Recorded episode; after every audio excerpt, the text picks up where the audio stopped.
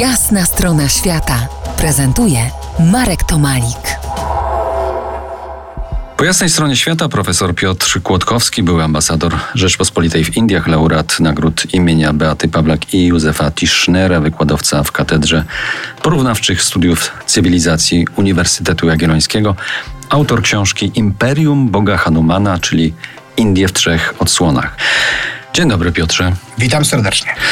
Cztery strony Indii przez miesiąc w RMF Classic. Dziś porozmawiamy o problemach współczesnych y, tego wielkiego kraju.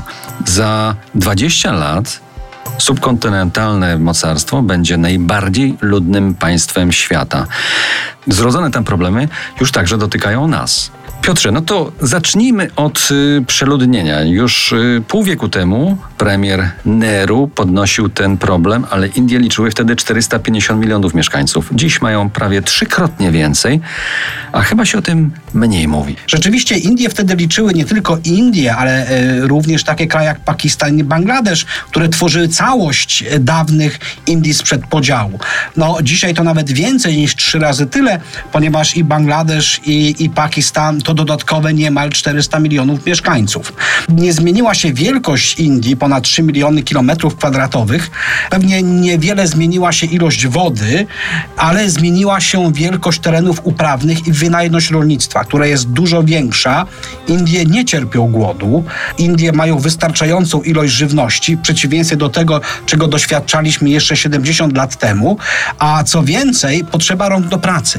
Indie się rozwijają, potrzebują wykwalifikowanych robotników, więc bynajmniej nie narzekają tak jak Chińczycy. Chińczycy ze swoim państwem, które liczy miliard 300 milionów, no mają inną piramidę demograficzną. Ludzi, którzy pracują i przyczyniają się do bogactwa państwa, będzie relatywnie coraz mniej. Przeludnienie wydaje się oczywiste. Y, Krajobraz Indii to niemal wszędzie mrowie ludzi, gigantyczne mega metropolie, które powoli stają się niesterowne. Czy to jednak wszystko się tam nie zawali? Czy eksodusem nie eksploduje? No tak już mówiono 20 i 30 lat temu i nic takiego się nie zdarzyło. Chociaż rzeczywiście e, wielkość współczesnych metropolii robi wrażenie. Delhi w ciągu dnia prawdopodobnie liczy około 20 milionów mieszkańców, czyli prawie połowa Polski znajduje się w stolicy Indii, tak zwane wielkie Nowe Delhi, obszar metropolitarny. Podobnie potęgą jest Bomba, jeśli chodzi o ilość ludności.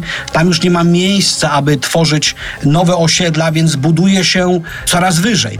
To prawda, ale sądzę, że Indie będą w stanie jeszcze rozwijać się dzięki temu, że mają tak zwaną nadwyżkę młodych ludzi. Czy wykorzystają to we właściwy sposób?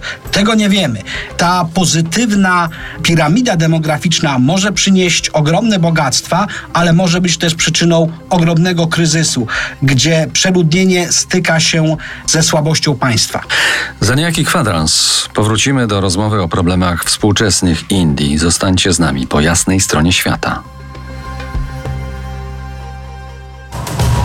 To jest jasna strona świata w RMS Classic.